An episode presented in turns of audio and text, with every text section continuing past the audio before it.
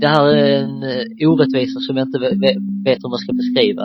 För först och främst så är det för min egen skull. Men jag vet ju om att det finns så många, så många andra som, mig som lider enormt lika mycket utan den här produkten. Men eh, vi har ju kommit fram till det först och främst att, att eh, vi, vi är fast beslutna att driva målet hela vägen till EU-domstol. Den 18 juni kom domen från Högsta domstolen som mot alla odds lyckas konstatera att beredningar från industrihampa i form av exempelvis CBD-olja är att betrakta som narkotika. Motiveringen till domen översatt av mig lyder i princip att ja, det stämmer att industrihampa i sin naturliga form innehåller upp till 0,2 procent THC. Och att EU-regler hindrar oss som nation från att förbjuda odling och handel med själva växten. Men tillverkar du exempelvis oljor med samma försvinnande mängd THC, alternativt så mycket som ett spår av den substansen, så klassas det i Sverige som narkotika. Att gränsvärdet på THC i EU-godkända hampasorter är satt till 0,2 procent för att bland annat omöjliggöra ruseffekter och eliminera eventuella hälsorisker har ingen som helst betydelse i sammanhanget. CBD-oljorna som utgjorde föremål för bedömning i Högsta domstolen innehöll så pass lite THC att halten inte ens kunde säkerställas vid labbanalys. Om detta finns mycket att säga och jag tänker bespara er en lång utläggning från mig just nu. Istället vill jag presentera personen vars fall var det som av åklagare överklagades hela vägen upp till HD, som resulterade i domen som gör de allra flesta av er CBD-konsumenter till kriminella narkomaner. Johan Krantz, varsågoda. Då säger jag välkommen till Cannabispodden, Johan. Tack så mycket, Malin. Du har ju lite av en eh, ofrivillig huvudroll kan man säga i den här HD-domen som kom den 18 juni. Ja, ironiskt nog så kan man väl kalla det så. Det är väl bra ord, ord att sätta på det. Ja. Och innan vi går in på hela bakgrundshistorien så kan vi bara nämna att det som domen innebär är alltså att eh, du har gjort dig skyldig till narkotikabrott för att ha brukat CBD-olja.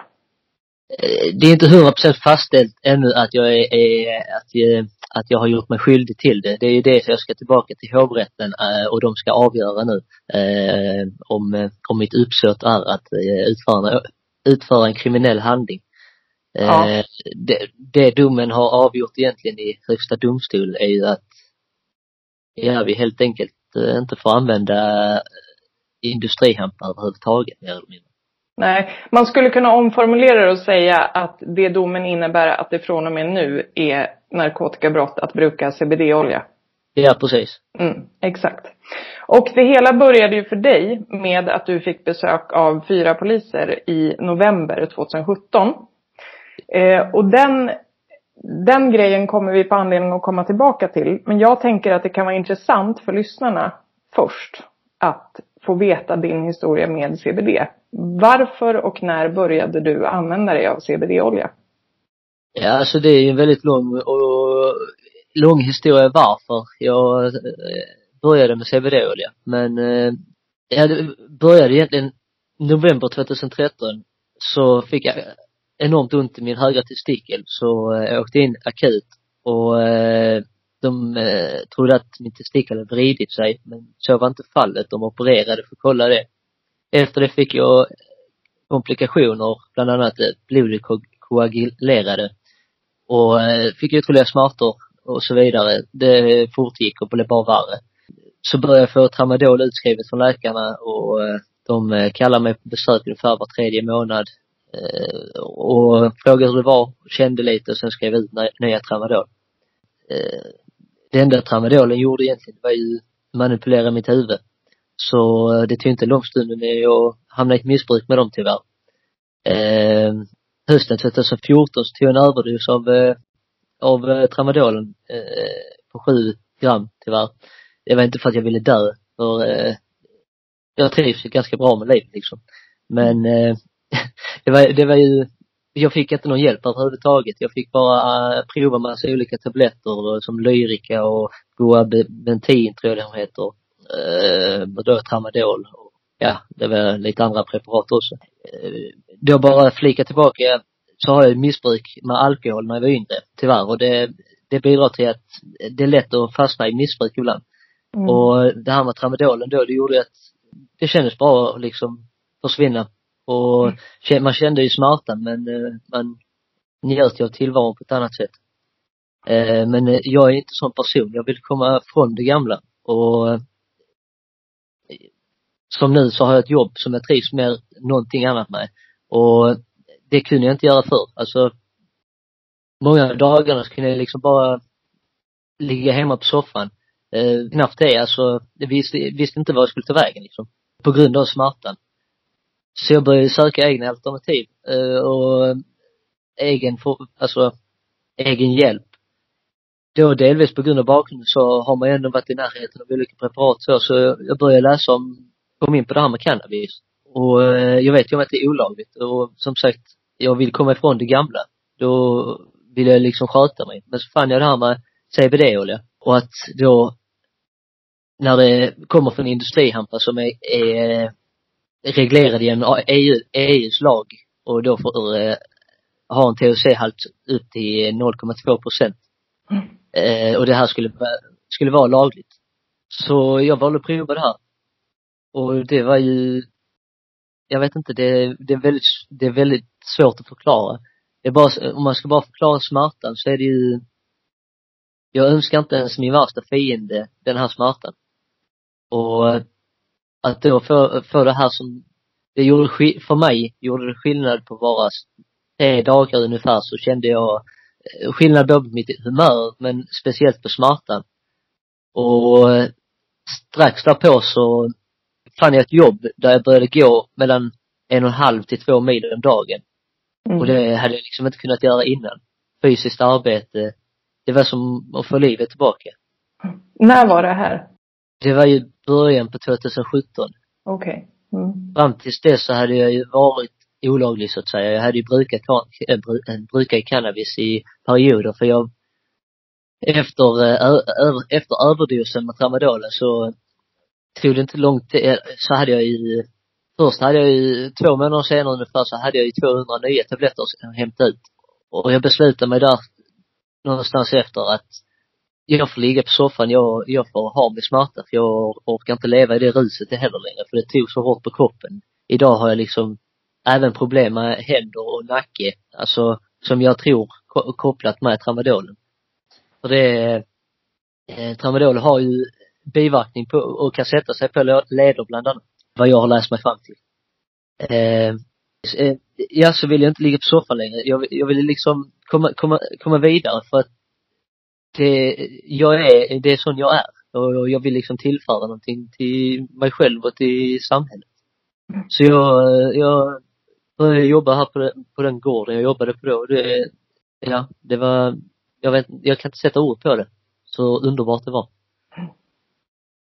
Och eh, från när började du använda dig enbart av CBD-oljor från industrihampa och skippade cannabisen? Slutet av 2016. Där slu, eh, då slutade jag helt med cannabis och bestämde mig för att enbart eh, hålla på med oljan. Och eh, det gjorde jag, gjorde jag fram till sommaren 2017. Då blev jag stoppad av polisen på vägen hem från jobbet. Vi hade ungefär sju mil enkel resa till jobbet. Jag har ju aldrig blivit stoppad av polisen på det här sättet när jag kört bil. De stod på ett väldigt suspekt sätt och de, alltså jag såg dem ju på väldigt långt avstånd innan och de stod mer eller mindre och väntade kändes det som. Och då eh, kör jag över en korsning och de vänder om och stoppar mig strax därefter. Och det första de gör är att fråga hur det går med narkotikan. Okej. Okay. Var du det, känd av dem sedan tidigare då i narkotikakretsar eller? Nej, det är det jag tycker, det är där jag, tycker det är ännu mer intressant att jag har aldrig någonsin blivit tillfrågad om narkotika. Alltså av polisen innan. I några former av sammanhang. Och speciellt inte när jag har kört bil. Och eh, det jag tycker är ännu mer intressant det är ju att liksom det finns ju andra personer som sysslar med saker och ting i, i närområdet där jag bodde. Mm, som är Klippan. Ja, precis. Mm. Men när de då stoppat mig så eh, väljer de ju ta, ta med mig till stationen i Helsingborg. Eh, under tiden där så pressar den polisen mig väldigt mycket i bilen och just vid eh, tillfället så var jag inte så påläst som jag är idag angående det här med CBD-olja. Så eh, han eh, sa ju att han, eh, mitt urin visar ju, påvisar ju enormt lite THC den gången. Eh, största anledningen där är ju för att jag tror att jag, eh, eller jag vejpade precis innan CBD-olja och då intas det snabbare av kroppen. Eller upptas snabbare av kroppen. Eh, så jag blev av med mitt körkort ungefär två månader. Men eh, jag fick ju tillbaka det för att åklagaren vid tillfället var ju insatt i ämnet. Så eh, hon la ju ner fallet. Mm. Och det här var ju augusti då, tror jag det var. Och sen var det lugnt fram till, vad var det, oktober eller september 2017 så bestämde ju sig Polismyndigheten och Åklagarmyndigheten för att beslagta, mm. vad är det, de två eller tre största företagen. Ja, precis. Deras produkter, eh, som då är, eh, industri, om industrihampa, bland annat CBD-olja då.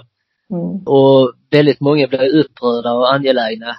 Jag vet om att både jag och många andra bestämmer oss för att skriva brev till eh, olika medier. Jag kommer inte ihåg hur många olika medier jag skrev till, men TV4 var de som blev intresserade.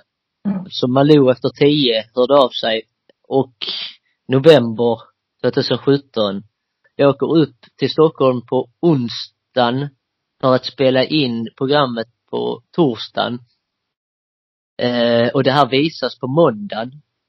Eh, och jag åker hem igen på torsdagen. På fredagen på kvällen, 27 på kvällen, så har jag husrannsakan hemma hos min sambo och mig. Först kommer två polis, eller civilpoliser och knackar på. För att de tycker att de hör konstiga ljud i lägenheten. Och de konstiga ljuden var ju vid tillfället min hund var det det, för det, nu får du inte spola för fort. Var, var, var det anledningen som de angav att de kom och ringde på? Nej, ursäkta. Nej, det var det ju faktiskt inte. Nej. Nej. Det var ju faktiskt för att, eh, den största anledningen där, det var ju för att, eh, vad heter det? Polisaspiranter. De hade polisaspiranter med sig så det var, det, de gör, gör ju sådana stickprov ibland för att träna dem. Mm. Eh, så först var de två stycken och sen kom det, kom två till. Eh, så de var ju fyra som allt. Och då var det jag och min sambo vid tillfället, min hund och våra katter. Och när de då kom, nu är det här, nu är det här ett par år sedan så mm. Eh, jag kan hjälpa dig, jag har anmälan, polisanmälan. Men när de kom in i lägenheten så är vi precis på väg ut från lägenheten för vi Eh, på väg eh, på bio faktiskt, kommer jag ihåg. Eh, vi har bokat med min sambos syster till och med också. Vi fick knappt avboka med henne ens. Nej, vi fick inte höra av oss till hennes syster. Vi fick lov att avboka bion. Vi fick inte höra av oss till hennes syster. Så var det. Och när vi då kommer, kommer in så har vi en avlång hall på två meter. Mm. Jag står med ryggen in mot lägenheten och min dåvarande sambo står hö, höger om mig. Och två poliser står framför oss just vid tillfället. Jag står och tittar in mot köket för jag, jag har aldrig tyckt om att ha sagt. Jag blir obekväm av det. Och eh, han tycker jag verkar nervös. Så, så, så frågar han mig, har du någonting eh, du inte borde ha hemma? Så, eh, så tar det några sekunder, för jag, jag är väldigt ärlig av mig. Så jag tänker efter så säger jag, nej, jag har inte. Det är, ja, möjligtvis några rester i så fall om du hittar det eller, eh, ja, CBD-olja. Mm. Alltså i polisrapporten så står det ju att Johan uppvisade tydliga tecken på påverkan av narkotika såsom rödsprängda ögonvitor, stora pupiller samt ett slött, trött beteende. Ja, alltså det enda jag skulle hålla med om där, det är väl eh, slött och trött beteende. Men där frågar jag mig själv. Jobbar du, kör du först från jobbet fem dagar i veckan, minst, ibland sex. Eh, först eh, kör du klockan eh, sex och så är du framme sju, eh, om du har tur. Sen jobbar du fram till fyra och sen ska du köra hem igen, så är du hemma fem, sex om du har tur för trafiken. Och då, och då har du som sagt gått på min arbetsplats som det var det gått en och en halv till två mil om dagen och väldigt fysiskt arbete. Är det konstigt att man är trött? Är det konstigt att man är lite slö? På en fredagkväll klockan 20 i sju. I min värld är det konstigt. Mm. Eh, att jag skulle ha rödsprängda ögon och ja, det tror jag definitivt inte det är möjligt. Jag har precis, du- jag hade precis duschat också. Jag har pollenallergi. Jag vet inte. Det, det Nej. finns många anledningar. Nej, det finns ju dessutom så fick de ju sitt svar eftersom du fick lämna ett urinprov också på plats då. Ja, det var, det var ju så det intressanta i fallet. För både jag och min sambo var ju tvungna att lämna urinprov i lägenheten. Vi fick, Mm. vi, det, det var ju tvunget i lägenheten. Jag sa, just då var jag påläst lite mer. Och då sa jag ju att jag har rätt till att neka urinprov och enbart begära, eh, få ta blod, blodprov. Men då sa de, ja men vi, vi tänker inte köra in dig till sjukhuset för det. Så, eh, så om inte du vill lämna urinprov så tar, tar vi med dig in till stationen så får vi hålla dig i 12 timmar. Okej. Eh, och det, då eh, blev man ju ställd så att säga. Så eh, man lämnade urinprov. Eh, och vid tillfället så påvisade jag ingenting, men min sambo gjorde. Hon påvisade 0,003 tror jag det var, om jag inte minns fel, siffrorna fel. Eh, och anledningen vid det tillfället, som min förklaring är, är ju att THC, det sätter ju sig i fettvävnaden. Och jag är, jag är väldigt liten som person. Så eh, att det, att det, då hade inte jag tagit min dos förrän på morgonen och jag hade inte vejpat på dagen som jag gjorde på sommaren när, eh, när jag blev tagen med, eh, när jag körde. Så där, eh, där är min förklaring till varför inte det påvisar för mig. För att det är så minimal dos i CBD-oljan, så det behöver Mm. inte påvisa. Nej. Men och vad hände sen? Alltså för att det står ju då i polisrapporten att de bestämmer sig för att göra en husrannsakan eh, på plats eftersom du påvisar tydliga tecken på att vara drogpåverkad.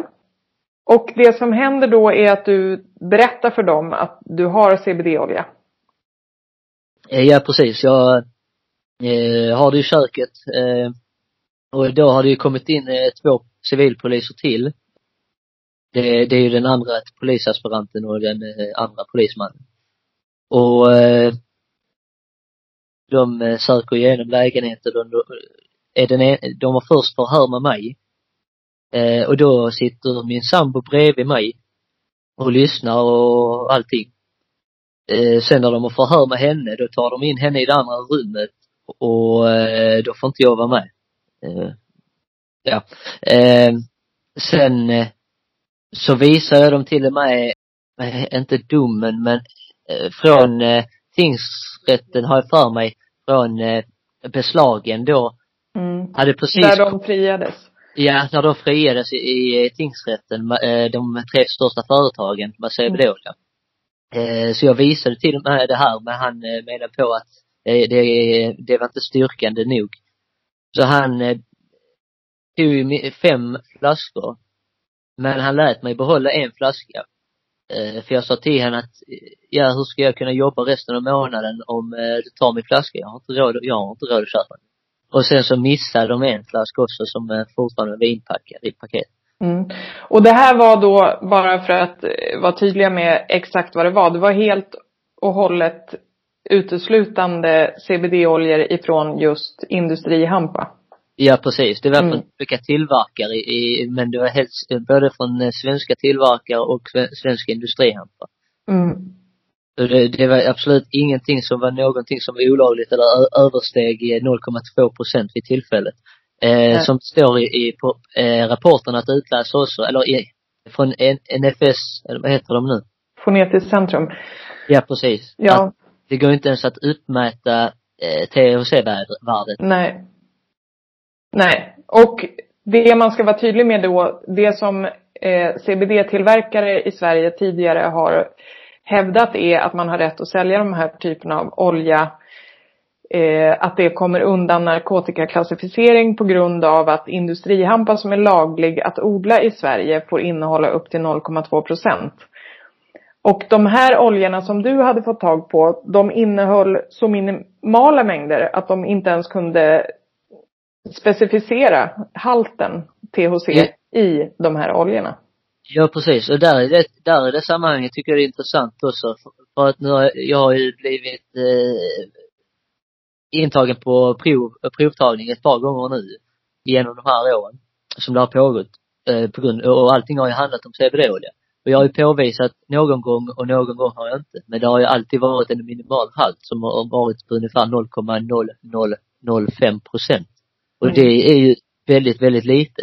Det, det är ju jämföra med som du går till affären och köper en bulle med valmuefrö. Helt Mm. plötsligt så påvisar du opiater. Men du har inte tagit några opiater. Det det, det är liksom samma sak. Mm. Alltså, det, det, det är så löjligt. Alltså varför, varför ska man ses som kriminell för att man har hittat någonting som funkar? Och, och, och eh, liksom egentligen inte skadar varken dig eller någon, någon annan. Nej. Så vad händer sen då? När, när är för, första rättegången mot dig i tingsrätten? Eh, ja, då, det här till, eh, det här, ja rättegången hålls ju i april 2018 har jag för mig det. Eh, och strax innan rättegången hålls, jag har för mig det två veckor innan, så blir jag stoppad när jag kör bil också. Och eh, det kan jag komma till snart igen. Eh, rättegången hålls i april och jag får domen i maj på min födelsedag faktiskt. Så det var ju faktiskt tacksamt för jag blev, blev ju fri, friad Mm. Eh, jag var väldigt nervös men eh, jag hade en bra advokat och eh, det var inga konstigheter egentligen vid tillfället. För det, ja, i min värld är det for- fortfarande inga konstigheter egentligen. Det borde vara lagligt.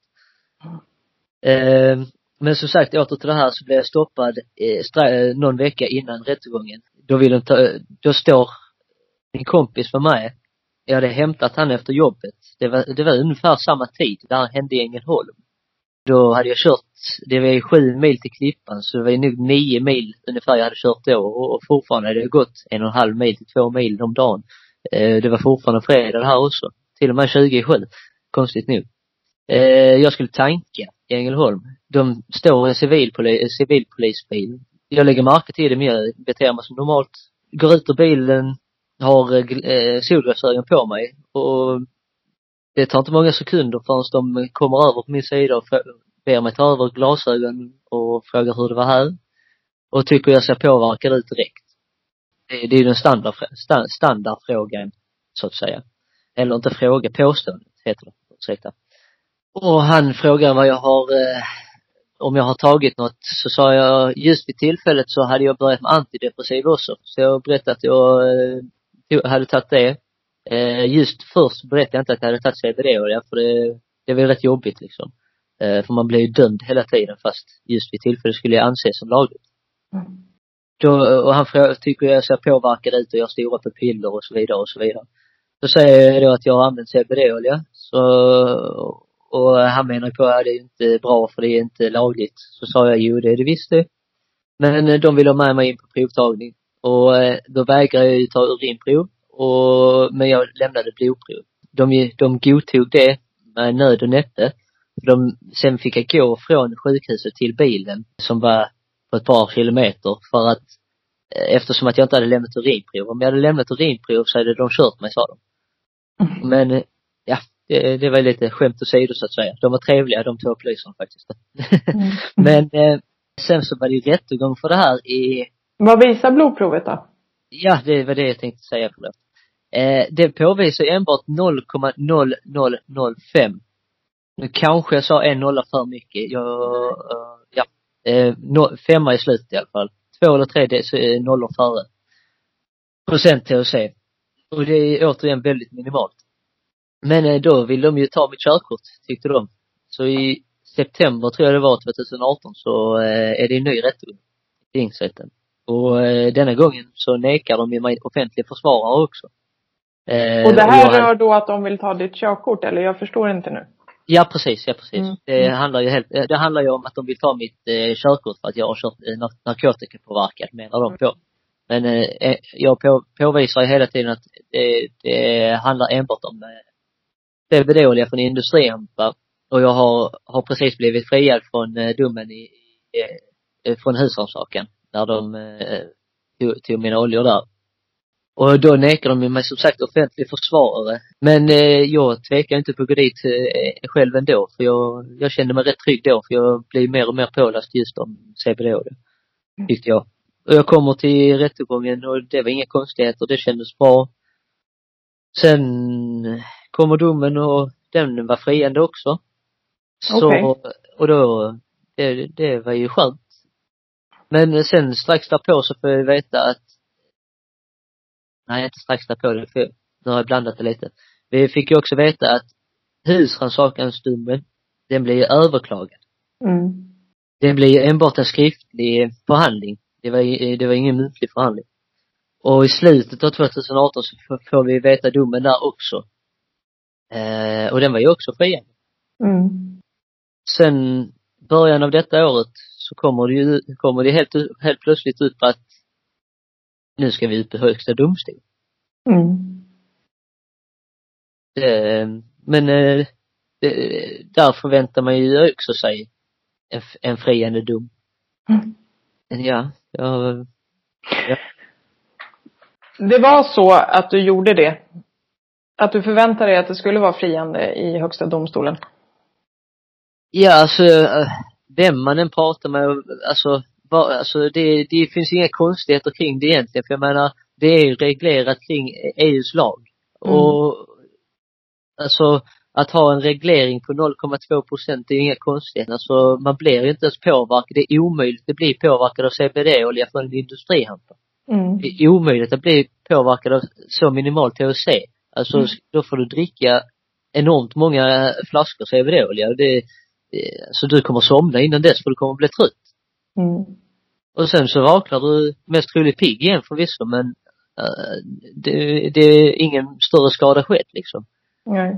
Eh, har du druckit alkohol? Ja. Du, vem vet om du vaknar ens om du druckit så mycket. Okej, men så hur ser då planen ut nu? Jag eh, hade kontakt med min advokat senast igår, eh, Byron Törnström. Vi ska höras av nu på måndag igen och planera ytterligare, ytterligare, ytterligare. Men eh, vi har ju kommit fram till det först och främst att, att eh, vi, vi är fast beslutna att eh, driva målet hela vägen till EU- EU-domstol. Mm. Eftersom att det, det finns ingen, alltså, det här är en orättvisa som jag inte ve- ve- vet hur man ska beskriva. Nej. Jag gör, alltså, för först och främst så är det, för min egen skull. Men jag vet ju om att det finns så många, så många andra som mig, som lider enormt lika mycket utan den här produkten. Mm. Och, och eh, det är en sån simpel produkt så det, det borde liksom inte vara några konstigheter. Jag, vi, vill, vill sen Sverige att vi ska kunna ligga hem, eller ska vi fortsätta ligga hemma på soffan istället? Jag menar, som för min del i alla fall, nu kan jag ju bara prata för mig själv, men jag vet ju om att det, det hjälper så många andra. Men jag kan ju jobba och ha mitt liv tillbaka som ingenting nu. När jag, när jag har, har min produkt. Eller, nu, jag har ju tyvärr, eller inte tyvärr, jag har ju jag har ju kommit så långt så jag har ju uppnått ett annat mål som jag kan förlita mig på. Eh, Men det ko- kostar ju också mig därefter. Men jag har ju äntligen lyckats få medicinsk cannabis ut, utskrivet så att, så att det väcks. Mm. Det kostar ju också mig 6 000 i månaden. Eh, För det ingår ju inte högkostnadsskyddet och det är en privatklinik. Ja, och så vidare. Men för mig är det värt det.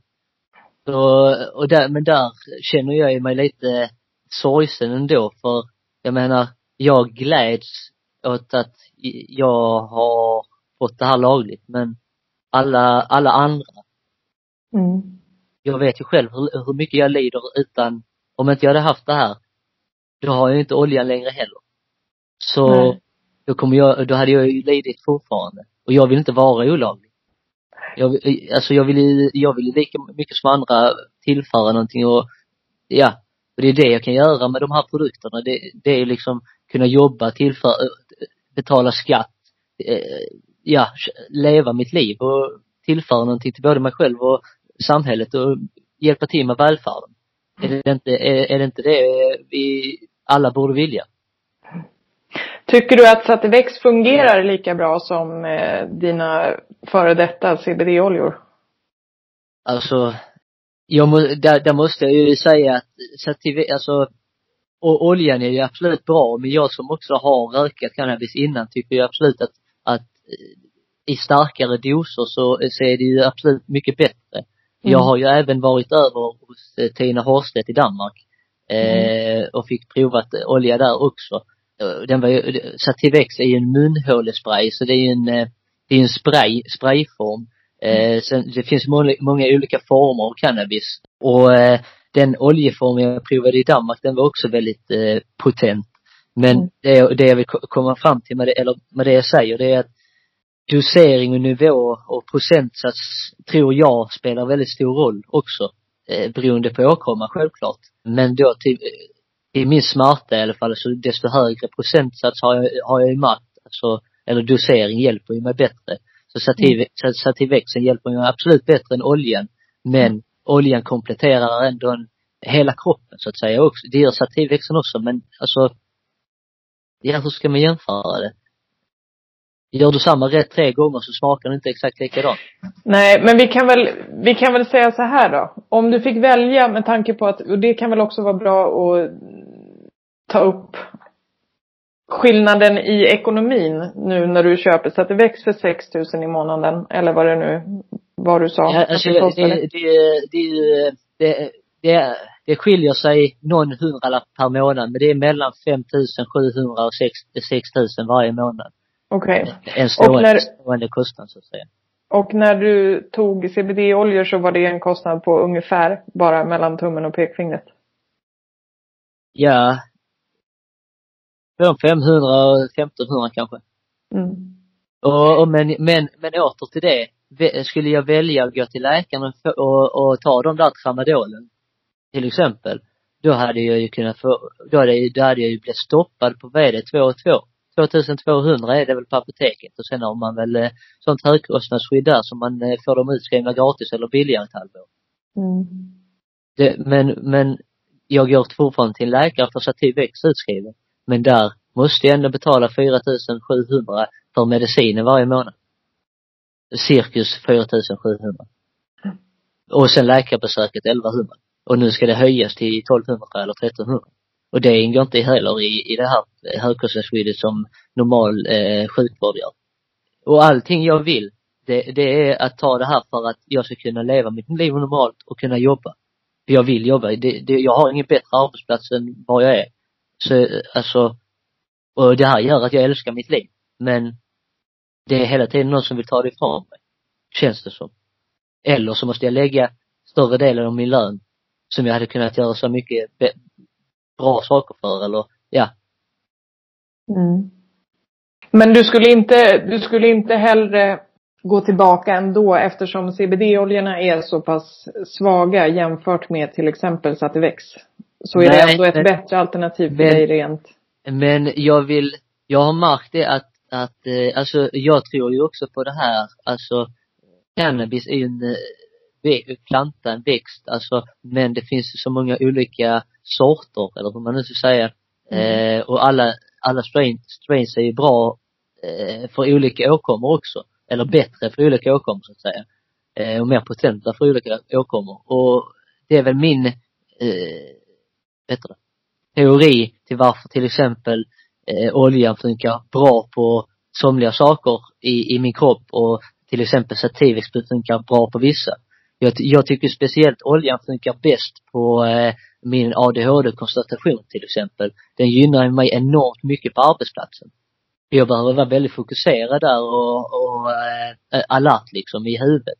Och där, det, istället för att ta konserter som jag vägrar ta, för de, det, det är massa syntetiskt skit och, och eh, jag får konstiga biverkningar och de blir trött och äter inte och ja, går ner i vikt och så vidare.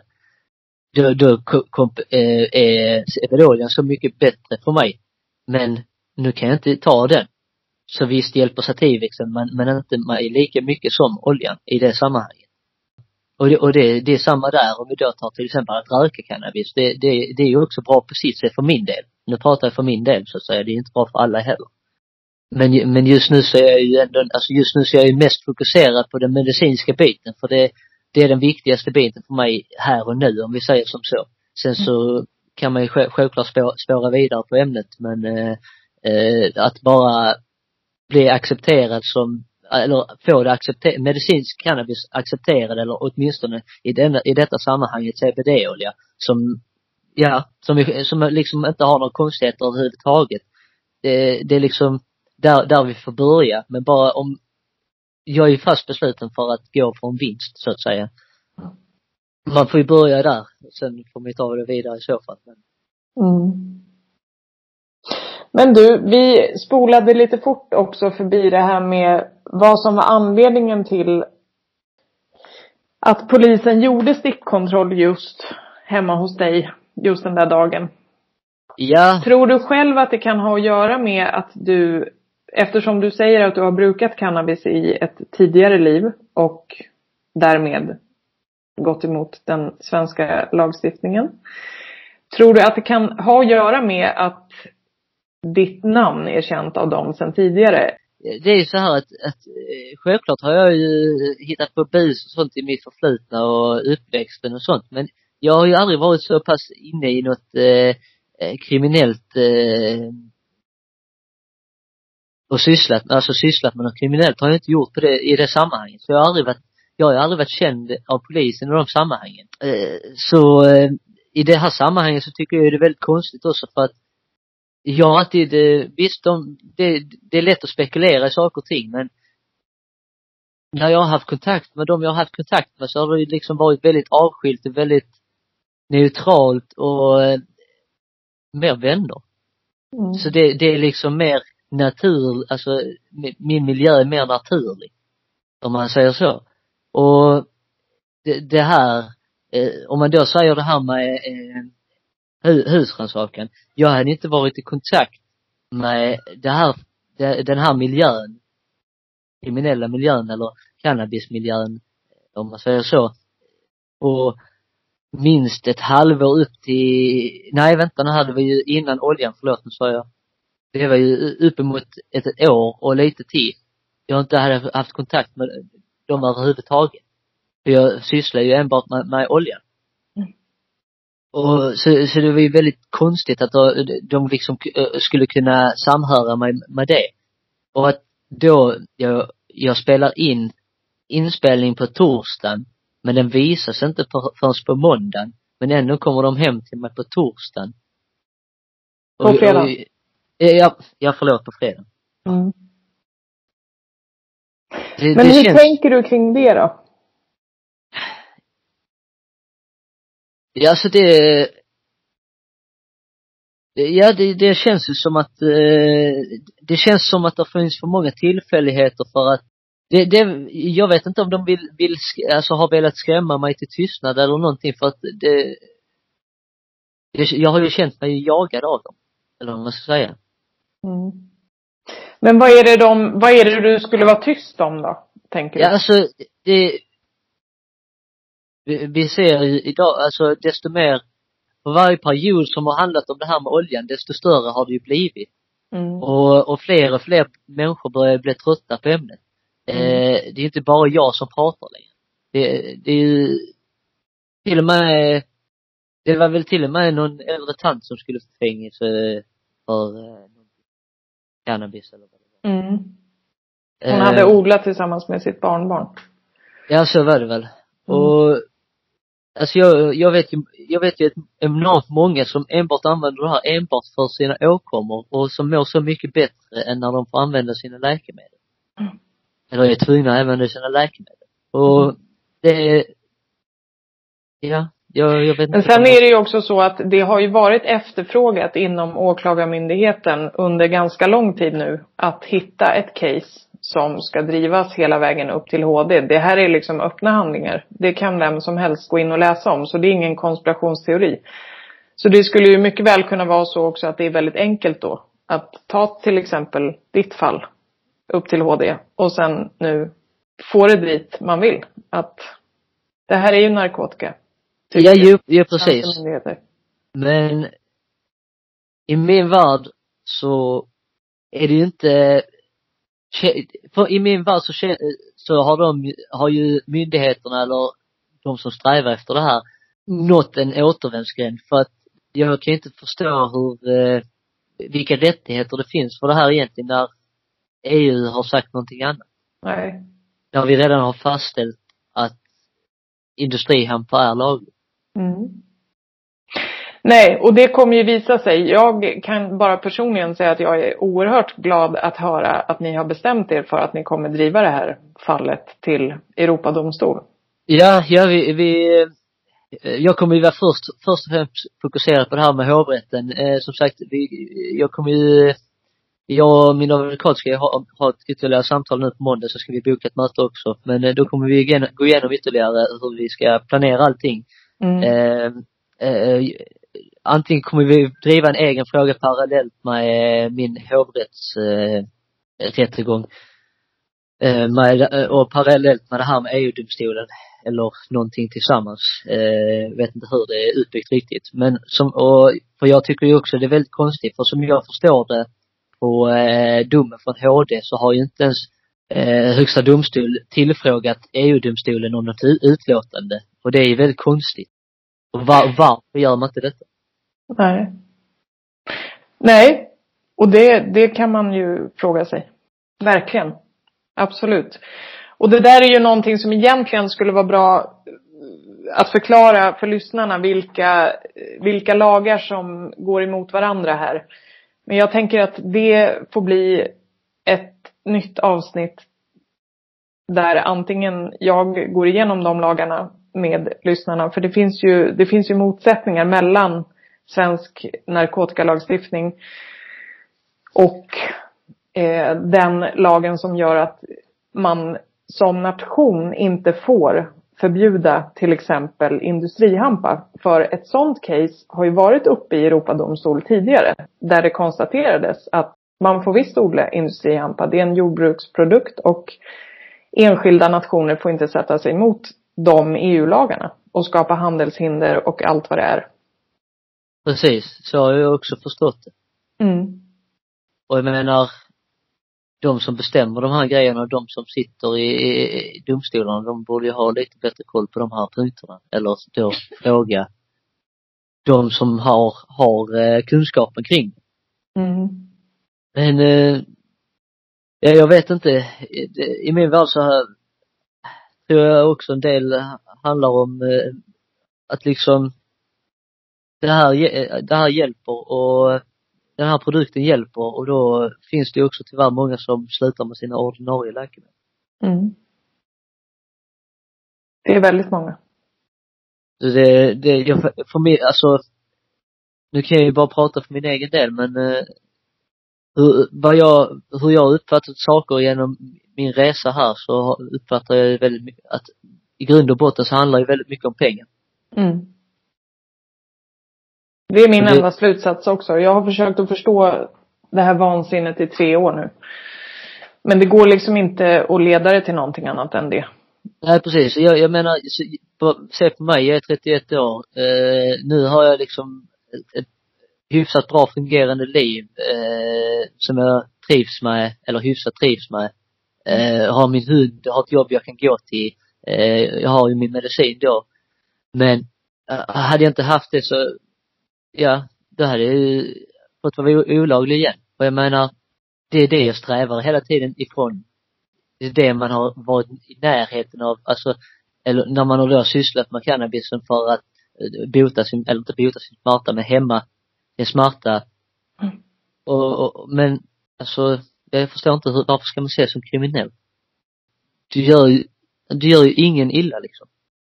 Och, och, och, och, och sen ytterligare, alltså om man då drar hela det här med narkotikapolitiken överlag.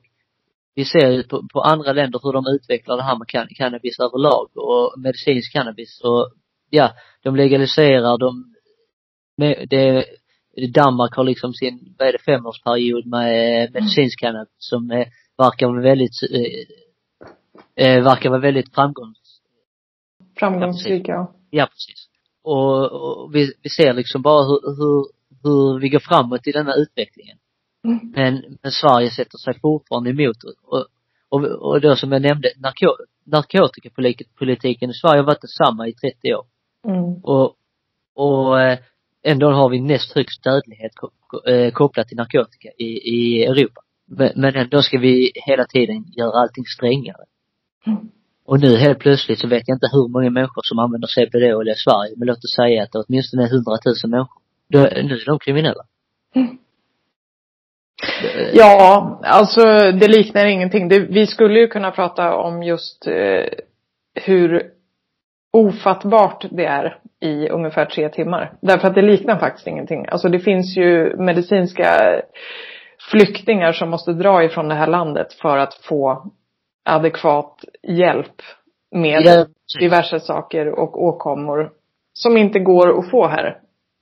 De, de som inte får den hjälpen som jag får från eh, eh, Sativex då, då, eller från svensk eh, sjukvård, de, de tar ju sig antingen utomlands eller till Danmark då liksom, eller, mm. eller lever som olaglig. Mm. Och jag menar, det, det är alltså sjuka människor, de har ju nästan inga pengar ändå, så var, var, ska vi få tag på pengarna bara? Och sen, sen ska allting gå runt och sen ska man jobba och sen ska man må bra psykiskt också. Alltså det, det går, det är inte hållbart någonstans. Nej. Och, och jag menar, sen åter till det här med, med, med kriminellt också, alltså vi strävar efter eh, bra välfärd och ett bra samhälle, ett trivsamt samhälle där vi alla ska leva och trivas tillsammans och ha det bra. Eh, och liksom få det bra tillsammans. Men att strama åt någonting hela tiden, det, det, det har vi ju redan bevisat för oss själva att det blir ju bara värre. Det blir mm. bara värre. Och nu ska vi då också poängtera att till exempel ditt fall som har varit upp, uppe för prövning i Högsta domstolen, det rör ju inte ens någonting som är möjligt att få rus på, utan det rör helt enkelt industrihampaprodukter. That's it. Ja, precis. Ja, ja, precis. Så det har inte ens att göra med, alltså nu, nu, sen HD-domen så har det att göra med narkotikalagstiftning, konstigt nog. Ja, precis. Men, ja, det passar inte ens in i den cirkusen. Nej, jag menar, alltså jag, jag, alltså jag uppfattas ju som en knarkare, eller jag, om jag nu hade fortsatt med CBD så hade jag uppfattats, uppfattats som en knarkare, eller direkta ord, knarkare är inte ett bra ord heller, men som en missbrukare. Jag tycker eh, vi kan använda det här. Ja, det har du faktiskt rätt i igen. det, det, det är inget bra ord, men i sammanhanget så är det väldigt passande. Det har du faktiskt mm. rätt i. Ja, då, då anses man som en knarkare och jag menar, i min omgivning, nu kan ju, nu kan ju inte ni höra dem, men frågar man dem, de ser inte mig som en knarkare. Jag, jag är ju exakt samma person fast lugnare och bättre. Mm. Inte, eller bättre, alltså Ja, jag känner mig bättre, som en bättre person och de ser mig egentligen som en bättre person för att jag är lugnare. Jag, jag är mer koncentrerad, jag är mer fokuserad. Och då, mm. och då blir det en behagligare miljö. Mm. Och allting blir mer lyckligt, helt enkelt. Mm. Ska man vara krass så kan man ju också säga att du är mer av en knarkare nu. Därför att det du får utskrivet på recept, det innehåller ju hur mycket THC då, vet du det? Kan du dröja två sekunder så kan jag hämta den och kolla Ja, absolut. Ska se här. Är det står på flaskan? Nej, jag hittar inte det här nu. Det står nog inne på fast. Men jag har för mig det är ungefär 25 eh, milligram per eh, sprut eller sånt. Är mm. inte helt hundra. Ja, så grattis till ditt lagliga knark då, eller? Ja, det kan man ju egentligen säga. Eh, jag, jag är inte, eh, den är jag ju inte jättetrygg att prata om egentligen för att man är ju rädd att riskera den också. Men, eh, som sagt, det, allting det här har ju egentligen bidragit till att jag har ju, jag har ju blivit mörkrädd eller vad man säger. Jag håller ju mig väldigt mycket hemma. Eh, och det är ju på grund av att jag känner mig förföljd av det här. Men hade jag liksom valt att ta tramadol istället, då hade jag liksom kunnat köra hur, utan problem, jag kan gå ut och göra vad jag vill, för då, då är, då är jag helt laglig fast jag knarkar. Men skillnaden är att det är accepterat. Jag eh, förstår inte skillnaden i min värld. Det finns liksom inga dödsfall kopplat till narkotika eller till eh, cannabis överhuvudtaget någonsin heller. Överdosen som du tog av eh, tramadol, Ja. Vad vill du berätta om det? Ja, alltså, när min smärta kom, alltså, jag är som sagt väldigt aktiv som person och jag har varit fast besluten om att komma vidare i mitt liv, komma framåt, få ett jobb och få familj och så vidare. Så när den här smärtan kom till mig, den, den ryckte ju mer eller mindre livet ifrån mig och ja, de flesta dagarna så kunde man liksom inte göra någonting. När man då går till läkarna hela tiden och enbart får eh, tramadol utskrivet eller någon annan opiat som påverkar ens kropp negativt. Man blir trött, man blir seg, man blir flummig, man blir helt, ja. Ibland vill man bara fly för sin egen kropp liksom. Eh, eh i, i olika former av biverkningar, förstoppad, eh, kan inte äta och går ner i vikt och ja, man orkar inte. Eh, man vill liksom komma fram till, till en lösning. Alltså, som jag till slut så sa jag till läkaren att jag, jag begär inte er att eh, bota mig. Jag kom åtminstone fram till vad det är så jag kan lära mig leva efter det i alla fall och anpassa mig. Men eh, jag, så, alltså, så anledningen, den största anledningen till liksom jag beslutade mig för, eller inte beslutade mig, det var en helt impulsgrej, men det var liksom för att jag fick nog. Det var liksom som, det var ungefär samma sak som att ställa sig och banka huvudet i väggen. Det här med kämpa med sjukvården. Eh, så, så jag, jag ville ju inte dö, men det var väl valet i tillfället för att jag inte orkade med smärtan. Jag orkade inte med att inte få någon hjälp. Så du tog en överdos medveten om att det var en överdos du tog? Ja, och under tiden så ringde jag ju egentligen 112 själv och berättade hur, vad jag gjorde. Så, så det var ju inte det smartaste att göra kanske men eh, man kan inte säga exakt på varför man, man väljer att göra en sån sak men eh, jag orkade helt enkelt inte. Fick du någon annan medicin som förslag då innan du själv bestämde dig för att testa det här med CBD? Eh, ja, jag fick ju som sagt, eh, jag provade ju eh, Lyrica och Guababentin. Jag för mig det var några andra äh, saker också. Men jag kommer inte ihåg alla namnen. Eh, det var de som gjorde mig mest konstig eh, i alla fall. Och det var också väldigt ironiskt, för jag sa ju klart och tydligt att jag kunde inte ha några tabletter som gjorde mig konstig eller, eller eh, jag inte kunde köra bil på. För jag hade ett bil, ett jobb vid tillfället som jag bara körde bil i. Mm. Det är lite svårt att hålla, hålla isär eh, vissa av eh, historierna så att säga emellanåt när man pratar om dem för eh, eh, det har ju gått en tid som sagt så och det, det är det också att jag har ju varit väldigt aktiv, tycker jag, kring det här med CBD-ålen och liksom, det har, varit, det har ju varit mycket energi kring det här med rättegångarna och så, så nu sen egentligen det här med det uppkom om högsta domstol så har jag egentligen varit väldigt passiv och jag har ju varit väldigt tyst men eh, nu, nu känns det ju som att man, man får lägga väldigt mycket arbete på det här för eh, och eh, det är ju som jag också kan tillägga att jag vi kommer ju eventuellt ha hjälp av flera advokater också för, mm. för eh, det, det, det känns ju som att det kommer att bli stort. Mm. Mitt hopp i slutändan är ju egentligen att vi alla, vi alla som kämpar för samma sak går, går helt och hållet ihop och ja, jag vet inte. Mm. Men eh, det känns ju, känns ju idag som det det är många som kämpar för samma sak men eh, många är på olika plan och mm. vill inte se förbi sina lik, eh, olikheter så att säga. Och vi, vi kommer att vara starkare, starkare i slutändan tillsammans. Mm. Det, det, det är då vi vinner. Mm. Det, det kommer ju bli en dyr, dyr historia också. Det vet jag inte riktigt hur, hur jag löser men eh, det får vi ta då. Mm. Ja. Jag tänker att om det här nu är så viktigt för Hampa Sverige så finns det väl all anledning att tro att Hampa Sverige också skulle kunna gå ihop kring den här saken. Inte minst de som faktiskt har tjänat pengar fram tills nu på till exempel CBD-oljor och liknande. Jag kan egentligen bara hålla med det där. Alltså jag är ju, efter hur mitt liv har varit så har jag lärt mig egentligen att stå ensam. Även om jag anser att starkare, vi är starkast tillsammans. Så jag, som jag säger, alltså, det här, det här jag gör, jag ser ju att min intensivaste resa börjar ju när jag var med i Malou, Malou efter tio och mm. när husrannsakan kom. Och sen började ju spelet, eller vad man ska säga, eller kampen. Mm. Och jag ser ju samtidigt som min egen kamp, men som vår allas kamp. För det är ju ändå mitt mål som har tagits upp i högsta domstol och då är ju det jag som blir lite av frontfiguren.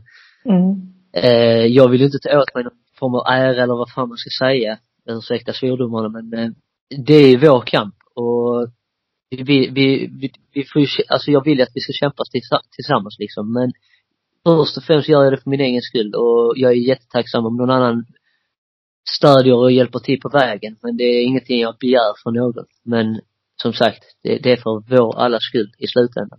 Det, det, det är ju en anledning till varför jag började också för att där finns nog många som sitter hemma och inte ens vågar säga detta till sin närmaste släkting för att eh, de är rädda att se som knarkare eller eh, kriminell. Mm. Eh, och, och då gör jag det för dig. För att du, du inte klarar av att prata, så att säga. Det är ingenting, alltså, det är ingenting att skämmas för heller. Alltså jag vet hur svårt det kan vara.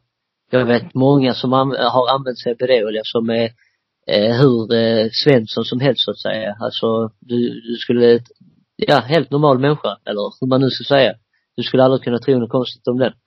Nej. Så, eh, sen, eh, men, men sen så ska den här ses som knarkare. Mm. Ja, visst. Nej. Ja, men för att inte tala, det, det pågår ju ganska mycket saker bakom olika typer av, vad ska man säga? Alltså i det dolda så pågår det ju ganska mycket grejer som skulle vara humor att lyfta fram också med tanke på att det finns både läkare, poliser och andra i det här samhället som har använt sig av tyngre former av cannabis som läkemedel också. Absolut. Det, vi, alltså man ser ju många fall av många olika saker hela tiden som mm. Blir särbehandling i vilket fall som helst. Men det finns ju så mycket bakom, bakom kulisserna som aldrig tas upp egentligen heller, alltså mm. eh, på riktigt. Eller som eh, kommer upp men sopas under mattan lika fort igen. Mm. Nej, alltså det är ju som en annan spekulation jag själv har. Eh, det är ju kring det här också med varför helt plötsligt åklagarmyndigheten och polismyndigheten eh, går in 2017 och ska beslagta de tre största företagens eh, produkter gällande industrihampa. Jag menar, det har ju ändå pågått i flera år, den här försäljningen och eh, eh, den här produkten har ju funnits i ofantligt många år. Och nu helt plötsligt. Där har jag ju en någon form av teori, men det, som sagt det är min egna min egen teori. Det har jag också. Inte minst på grund av att eh, det hela började med att eh, Läkemedelsverket, representanter från Läkemedelsverket började med att gå ut ganska hårt i olika typer av medicinska tidskrifter och eh, andra typer av nyhetsmedier och tala om att allt som rör CBD-olja är bara bluff och båg. Ja. Och sen var det som att vända på en hand plötsligt. Så plötsligt så var det jättemedicinskt med CBD-olja. Allt det här finns ju kvar för vilken intresserad journalist som helst och bara kolla och jämföra vad som är sagt vid en tidpunkt och sen vad som sägs vid en helt annan tidpunkt. Precis. Och sen ja. så då, och sen tycker jag det är väldigt intressant också ändå för att eh, vid tidpunkt eh, när jag var på Malou efter tio, mm. då eh, då var GW Pharma ja, på precis. väg ut med sin nya medicin. Ja. Precis. Och det är ju en, eh, är ju en CBD-produkt eh, som är enbart CBD har jag för mig. Epidilux, äh, epidi, jag, jag kan inte uttala det. Epidiolex. Ja, något sånt heter det. Och den är ju för, för, först och främst framtagen för barn med epilepsi. Men det jag tycker är konstigt ändå, det är att det blir sån uppståndelse precis när de är i slutfas med att lansera den här produkten. Mm. Det, det, men som jag vill tillägga där, nu har jag jag kan ta fram de här uppgifterna men vid, eh, där runt också så hittar jag ju ett, vad heter det, ett klipp från eh, riksdagen där eh, någon frågar ut eh, då Annika Strandhäll bland annat mm. om här, eh, om Läkemedelsverket och korruptionen kring Läkemedelsverket om eh, varför somliga blir betalda eh, hit och dit och hoppar mellan Läkemedelsverket och läkemedelsindustrin. Mm. Eh, får resor betalda och så vidare och så vidare. Det här klippet går ju att finna på, ja om jag inte minns fel så är det på regeringens hemsida någonstans för det är ju ett, eh, i, eh, inför talmannen har jag för mig. Det är ju Annika Strandhäll och en annan person, eh, kommer inte ihåg vad hon heter tyvärr. Men det här, det här blir liksom inte upptaget någonstans, ingen som är intresserad av det mörka sparet så att säga. Ja. Det är väl det som är, tycker jag också är lite konstigt. Och jag tänker inte sitta och sparka på min egen liksom, bransch. Men det ligger ju rätt nära till hands att göra det när det gäller vissa saker ändå. Därför att jag följer också med i de där grejerna ganska noga. Och det är väldigt lätt hela tiden för någon som inte är insatt att kalla allt bara för enda galna konspirationsteorier och så vidare. Men allting ligger på bordet. Det är bara att läsa Riksrevisionens eh, rapport om just korruptionen när det gäller Läkemedelsverket och läkemedelsbolag och så vidare. Ja, precis. Alltså det, det finns där. Det är för vem som helst bara läsa igenom. Där kan jag ju tillägga också, nu kommer jag inte exakt ihåg men man kan ju, man finner det här utan problem för det fann jag i samma, samma, mm. samma sammanhang. Det mm. var ju eh, ett stort läkemedels, eh, läkemedelsföretag i Texas, har jag för mig det var förvisso, men det handlar ju om det här med ADHD-medicin. Han hade lyckats lansera någon produkt 2013, har jag för mig det var, eh, som han hade manipulerat eh, eh, dokumenten och lyckats lansera den. Och sen så fick han ju enormt många bötesbelopp på det. Det, det försiggår ju överallt, inte bara i Sverige, det är överallt. Men framförallt så är det viktigast för oss här i Sverige. Men vi, vi, vi blir ju påverkade av läkemedelsföretagen från utlandet så att säga. Exakt, och det måste ju gå att någon gång kunna ha en vettig diskussion om de här sakerna. Om det till och med kommer rapporter som varnar för korruption. Ja. Så det... tycker jag personligen att då är det någonting att ta upp till diskussion. För det är allvarligt. Därför att vi behöver våra läkemedel och vi behöver också veta att det inte är korrumperade pengar som ligger bakom vilka läkemedel vi får. Nej, det är inte svårare än så. Nej, precis. Och, och, och sen, alltså, sen återigen som du också sa i det här, det här med Läkemedelsverket att he, helt plötsligt så var, eller CBD och CBD har ju aldrig varit, det har ju inte varit ett läkemedel så att säga. Nej. Men helt plötsligt så är, är det, nu är det ju klassat som ett läkemedel. Mm. He, helt plötsligt, från ingenstans. Mm. Så, så, och det är ju också konstigt ändå så är vi emot cannabis i Sverige. Men vi har det delvis accepterat ändå. För att, som sagt, jag har det utskrivet. Och det mm. finns andra som har det. Men jag förstår inte vad vi sysslar med. Nej, jag föreställer mig att vi om tio år kommer se det här som en otroligt svår att förstå passage i svensk historia. Ja, ja. Ja, precis. Det, och sen, sen är det ju samma, återigen, som det här med Schengenavtalet också. Det, där, där har vi egentligen också en större lag. Eh, den säger ju också att du får ju, jag som sagt åker över till Danmark till exempel och, och för över läkemedel hit här. Eh, som då till exempel medicinsk cannabis därifrån. Men det, det är ju ett dyrt, dyrt alternativ. Men ska vi helt plötsligt gå in och trolla till den, hur ska de lyckas trolla till den lagen? Jag vet inte. De ska ju bestämma exakt vad vi ska göra. Vet du någonting om när det ska bli hovrättsförhandlingar?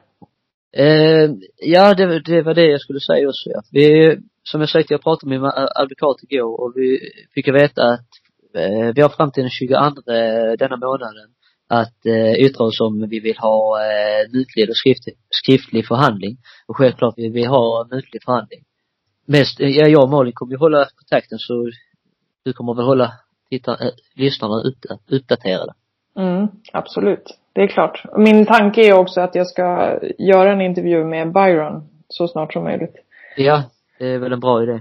Mm. Ehm, och eh, är det någon som har några frågor eller så, så till mig själv så är ni välkomna att skriva till mig på Facebook. Men... Vill du då att eh, jag lägger ut ditt fullständiga namn i anslutning till den här till, intervjun? Till, när, du, när du lägger ut på, eh, på podden så kan du lägga ut det åtminstone. Mm. Då gör jag det. Är det någonting som du känner att du vill passa på att säga? Uh, ja, jag tror jag skulle vilja att du klipper bort en sak jag sa här i slutet. Mm. Uh, just det om sativ, fast det var bra att säga men uh, det känns jobbigt att få ut det. just det här med att jag får, jag får det utskrivet. Mm. ska vi börja jävlas med det också? Alltså jag sa någonting om, vad fan sa jag? Att du är orolig? Ja. Jag, nu, ja, jag blir ju orolig för att eh, om de ska börja jävla för min medicin också, så att säga. Men om jag klipper bort det, du har ju sagt också innan flera gånger, pratat om Nej, det. ja, skit, nej, skit i det. Nej, skit i det. Ja. Ja, förlåt. var- Det, det, men det blir ju en sån, du vet, det blir en jobbig, det blir ju sammantaget med, det blir ju ytterligare ett problem för mig. Men, men samtidigt så gör jag, har jag, alltså har jag ändå gjort det så offentligt så att det spelar ingen roll samtidigt. Det Nej. blir bara, det blir en sån bara, ja, jag fattar det. men, eh, men som sagt jag är fast, jag är fast besluten om att eh, köra hela, hela spåret ut. Det, det finns, det finns bara en väg. Det finns, det finns bara på eller av här. Och eh, för mig är det bara på. Det är väl egentligen ganska fina avrundande ord på det här samtalet hittills, tycker du inte det? Jo, absolut. Mm. Det kan jag hålla med om. Ja. Jag har väl varit lite, lite, lite flummig när jag pratar eller om man säger så hoppar lite mycket men eh, det, det är för, det har ju varit en så lång period och det har hänt så mycket så det är mycket att sammanfatta om du förstår mig rätt. ja, verkligen. Men det är ju dessutom helt och hållet mitt ansvar att se till så att det inte blir hoppigt. Jag hoppar rätt bra jag också. Ja, jo. Men eh, jag hoppas, tycker det blir så bra som möjligt. ja, men absolut. Tack så jättemycket passar jag på att säga till dig för att du ville berätta om det här. Ja, tack själv. Eh, Det, det var bara roligt att få vara med och, eh, och tacksam med då. Absolut. Att du eh, tar tag i det här och lyfter fram det speciellt. Att någon gör det. Tack för att du har lyssnat. Och stort tack till er som gör det möjligt för mig att fortsätta erbjuda fri lyssning utan betalväggar genom att stötta mig via Patreon, Paypal eller Swish. Numret för den som vill stötta via Swish är 0702 88 11 59. 0702 88 11 59. Länkar till Paypal och Patreon finns i texten till avsnittet. Tack! Jag blir också väldigt glad när ni som lyssnar hör av er med såväl feedback som frågor till mig. Och för den som vill göra det är mejladressen cannabispodden at gmail.com. Sist men inte minst, har du frågor eller funderingar som du vill ta med Johan? Så ja, du hörde själv, det är bara att kontakta honom exempelvis via Facebook. Hans namn är Johan Krantz och eh, uppdateringar om vad som händer med hans fall kommer givetvis att presenteras i Cannabispodden framöver. Hej då!